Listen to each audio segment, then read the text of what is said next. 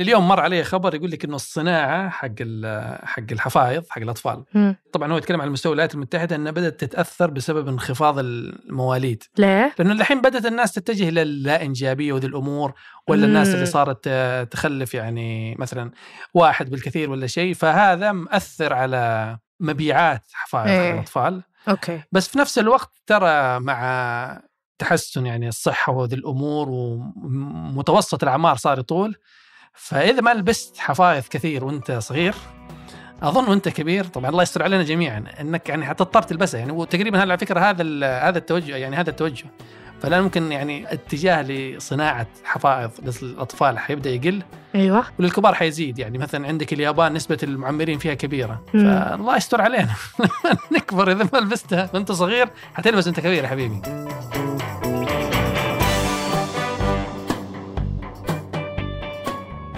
هذا بودكاست الفجر من ثمانية. بودكاست فجر كل يوم نسرد لكم فيه سياق الأخبار اللي تهمكم.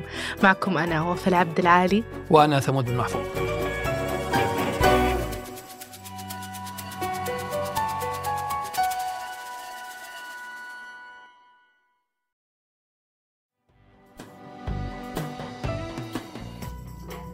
خوف كبير في الأسواق المصرفية الأمريكية هالأيام. بعد ما أنخفضت أرباح البنوك الأمريكية بنسبة 45% يعني تقريبا حققت أرباح 38 مليار دولار بس. وهي أرباح قليلة جدا مقارنة بالسنوات الماضية. وتسببت هالأرباح المخيبة للآمال في موجة من التراجعات الأسهم البنوك الإقليمية برا أمريكا. ويمكن للمهتمين بالبنوك أن نتذكرهم هالأزمة بأزمة مشابهة صارت قبل فترة مع ثلاث بنوك إقليمية وهي بنك وادي السيليكون وبنك Signature وبنك First Republic وهذول البنوك أفلست في أسبوع واحد وخلت الجهات التنظيمية الأمريكية تتدخل وسط تراجع أسهم البنوك الثلاثة. وكانت أسباب تراجع هالأرباح مرتبطة مباشرة بالأزمة المصرفية الإقليمية. بعد ما أنفقت أكبر البنوك في البلاد 16 مليار دولار لتغطية التقييم الخاص اللي فرضته الحكومة واللي أدى لتجديد صندوق تأمين الودائع اللي استنزف بشدة بسبب فشل بنك وادي السيليكون وبنك Signature و First Republic والبيانات تقول أن الأرباح الفصلية تأثرت بعد بزيادة قدرها 5 مليارات دولار في مخصصات القروض المعدومة وخسارة 4 مليارات دولار في محافظ الأوراق المالية للبنوك وارتفاع التكاليف لأن المقرضين خفضوا عدد الموظفين وأعادوا هيكلة عملياتهم. أصلا البنوك في أمريكا عندها حوالي 3 تريليون دولار من القروض العقارية التجارية وفقا لمعظم التقديرات.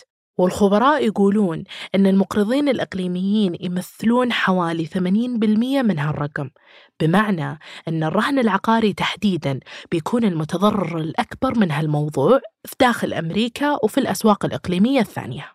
والمستاجرين الحين قاعدين يتخلون عن عقود الإيجار بعد حوالي أربع سنين من الاستخدام المنخفض اللي كان بعد كورونا والتحول بعدها إلى العمل من البيت. وهذا كله قاعد يصير بالوقت اللي يكافح فيه المطورين العقاريين علشان يسددون مدفوعاتهم في ظل انخفاض نسب الأشغال وارتفاع أسعار الفائدة. بمعنى أن هالرقم المنخفض جدا كان بالرغم من تخفيف الضغط على المستهلكين وزيادة الثقة في أن الاقتصاد الأمريكي بيتجنب الركود على المدى القريب. وهذا الشيء تحديدا هو اللي يخليه يخوف أكثر. الشيء اللي يدعو للقلق أكثر على الاقتصاد الأمريكي بعد هذه النتائج ممكن نفهمه لو عرفنا أنه القطاع المصرفي الأمريكي فيه ما يزيد عن تريليوني دولار مع ما يسميهم الاقتصاديون بنوك الظل واللي تندرج تحتها الشركات المالية غير المصرفية زي صناديق التحوط وشركات الاستثمار المباشر ومقرضي الرهن العقاري اللي تعرض الكثير منهم حاليا لضغوط مع ارتفاع أسعار الفائدة.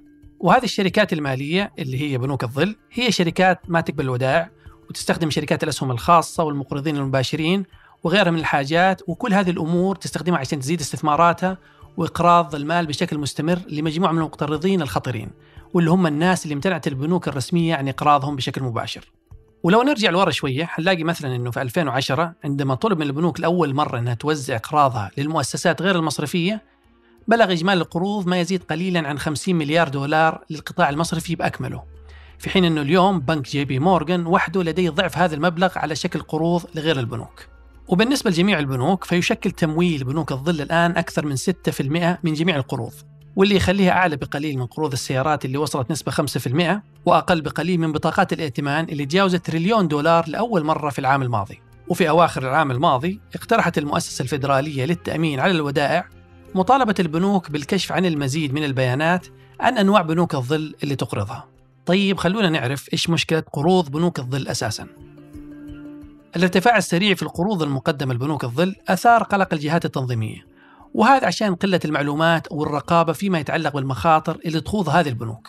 وبالرغم من ذلك ولأنه أصلا ما في بديل أفضل ففي الشهر الماضي صرح المنظمون في الاتحاد الأوروبي أنهم حيتعمقون في العلاقات بين المقرضين التقليديين وبنوك الظل. وفي الآونة الأخيرة سعت عدد من البنوك إلى إقامة علاقات أوثق مع المقرضين غير المصرفيين. والجهات التنظيمية عموما تسعى لمنع انتشار الأزمة المصرفية. وعشان كذا اليوم يشعر المستثمرين بالقلق من عودتهم إلى منطقة خطر شبيهة بالأزمات السابقة اللي تكلمنا عنها.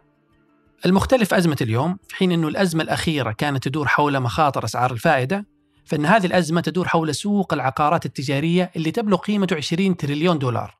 لأنه بعد عقود من النمو المدعوم بأسعار الفائدة المنخفضة والائتمان السهل وصلت العقارات التجارية إلى طريق مسدود. انخفضت تقييمات العقارات المكتبية والتجزئة بعد ما غيرت كورونا مكان عيش الناس وعملهم وكيفية تسوقهم.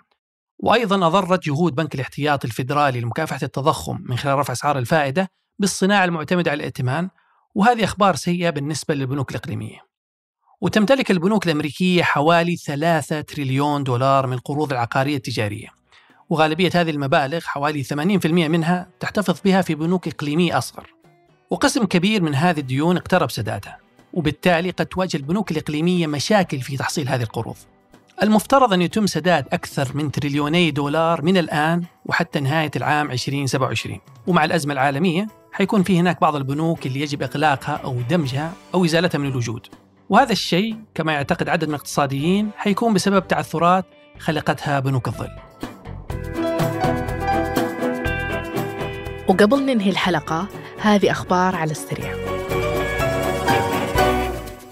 رئيسة المجر كاتلين نوفاك استقالت على الهواء مباشرة بسبب قرار العفو عن رجل كان مدان بالتستر على قضية اعتداء جنسي على الأطفال وتزايدت الاحتجاجات اللي تطالبها بالتنحي في المجر ونوفاك اعتذرت وقالت إنها ارتكبت خطأ بمنح العفو حتى جوديت فارغا اللي هي كانت وزيرة العدل السابقة اللي وافقت على العفو استقالت علشان دورها الجديد في قيادة الحملة الانتخابية الأوروبية للحزب الحاكم. وهالجدل اللي صار بعد ما أعلنت وسائل الإعلام المجرية الأسبوع الماضي قائمة بأسماء 25 شخص عفت عنهم نوفاك في أبريل ونيسان من العام الماضي في إطار زيارة البابا فرانسيس للمجر وهالشيء هو اللي أدى للاستقالات صرحت مديرة صندوق النقد الدولي كريستالينا جورجيفا بأن اتساع الصراع في الشرق الأوسط يؤدي إلى زيادة الأضرار الاقتصادية على المستوى العالمي. ووضحت أن هذا الأمر ظهر في ارتفاع تكاليف الشحن وانخفاض حجم المرور التجاري في البحر الأحمر بعد أزمة الحوثيين. وبشكل عام اعتبرت أن تداعيات الحرب الإسرائيلية على غزة انعكست على السياحة في الدول المجاورة. وأكدت أن وقف الحرب في فلسطين واللي تدخل شهرها الخامس الآن حيتسبب في تخفيف الأضرار الاقتصادية في المنطقة كلها. لكن يبدو أن هذا الشيء صعب بعد ما أعلن نتنياهو من جديد أنه حيهاجم منطقة رفح على الحدود المصرية الفلسطينية بالرغم من التحذيرات السعودية والمصرية والأمريكية أيضا. هيئة الاتصالات والفضاء والتقنية أطلقوا حملة تهدف للتعريف بتخصصات الفضاء وعلومه وتسلط الضوء على المسارات المساهمة في تطوير إمكانيات المملكة وتعزيز مكانتها الدولية في قطاع الفضاء. وشجعت الهيئة الطلاب على أنهم ينضمون للبرامج اللي تتيح لهم الالتحاق بمرحلتين البكالوريوس والماجستير. من خلال مسار الرواد اللي يضم أفضل 30 جامعة حول العالم أو مسار إمداد اللي يضم أفضل 200 جامعة حسب قائمة البرنامج. ومسار البحث والتطوير اللي تابع لدرجة الدكتوراه يضم أفضل 200 جامعة حسب قائمة البرنامج. علشان يمكنون الطلاب من أنهم يدرسون عدة برامج مثل هندسة طيران الفضاء وهندسة نظم الفضاء إلى جانب علوم الفضاء والفلك والفيزياء الفلكية وغيرها. وتحاول الهيئة من خلال هالحملة تعزز دورها في تنظيم قطاع الفضاء وتنمي القدرات وتعزز الكفاءات في مجالات الفضاء وعلومه.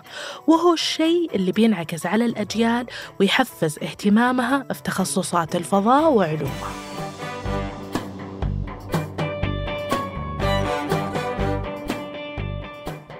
أنتج هذه الحلقة حسام الخولي وقدمتها أنا ثمود بن محفوظ. وأنا وفاء عبد العالي. وحررها تيسير قباني. نشوفكم بكرة الفجر.